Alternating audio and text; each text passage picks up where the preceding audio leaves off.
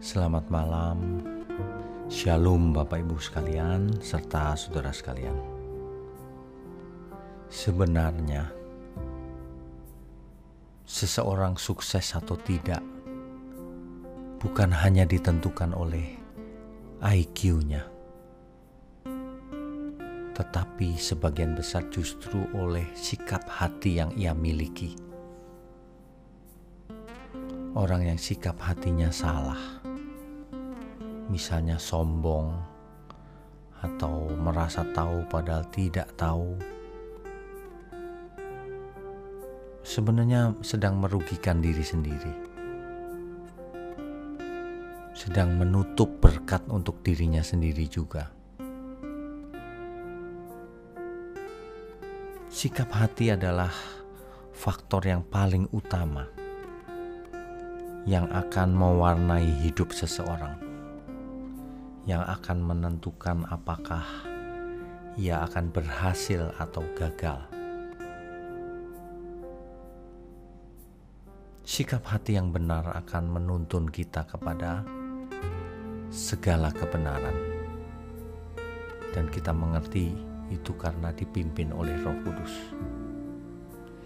Tetapi sikap hati yang salah akan membuat seseorang tidak sampai pada tujuan, sebab ia sedang menyulitkan dirinya sendiri.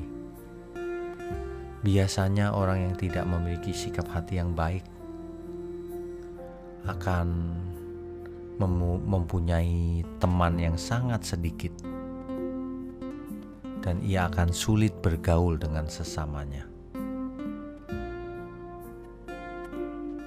Sikap hati ini bahkan menentukan apakah Tuhan berkenan dalam hidup kita atau tidak. Bahkan menentukan hidup kekal seseorang. Sikap hati yang benar akan mengarahkan kita kepada haus dan lapar akan kebenaran. Dan kalau kita haus dan lapar akan kebenaran, pasti dipertemukan Tuhan dengan kebenaran itu. Nah, demikianlah sikap hati itu ditunjukkan oleh Rasul Paulus bahwa hidupku bukanlah aku lagi, tetapi Kristus yang hidup di dalamku.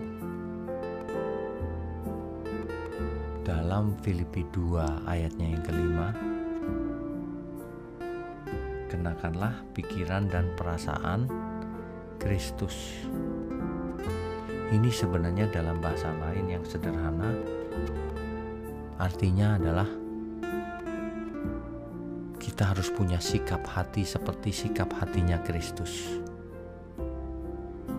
yang hormat terhadap Bapa di surga yang mengasihi Bapa, mengasihi Tuhan Yesus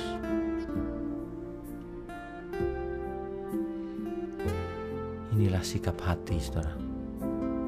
Sangat menentukan bagaimana kita hidup, bagaimana kita di masa depan, termasuk apakah kita akan dibawa ke langit baru, bumi baru, atau malah tertinggal di Gehenna, di neraka. Demikian, hendaknya ini bisa mem memberikan wawasan bagi Bapak Ibu sekalian. Tuhan Yesus memberkati. Selamat malam, selamat tidur. Amin.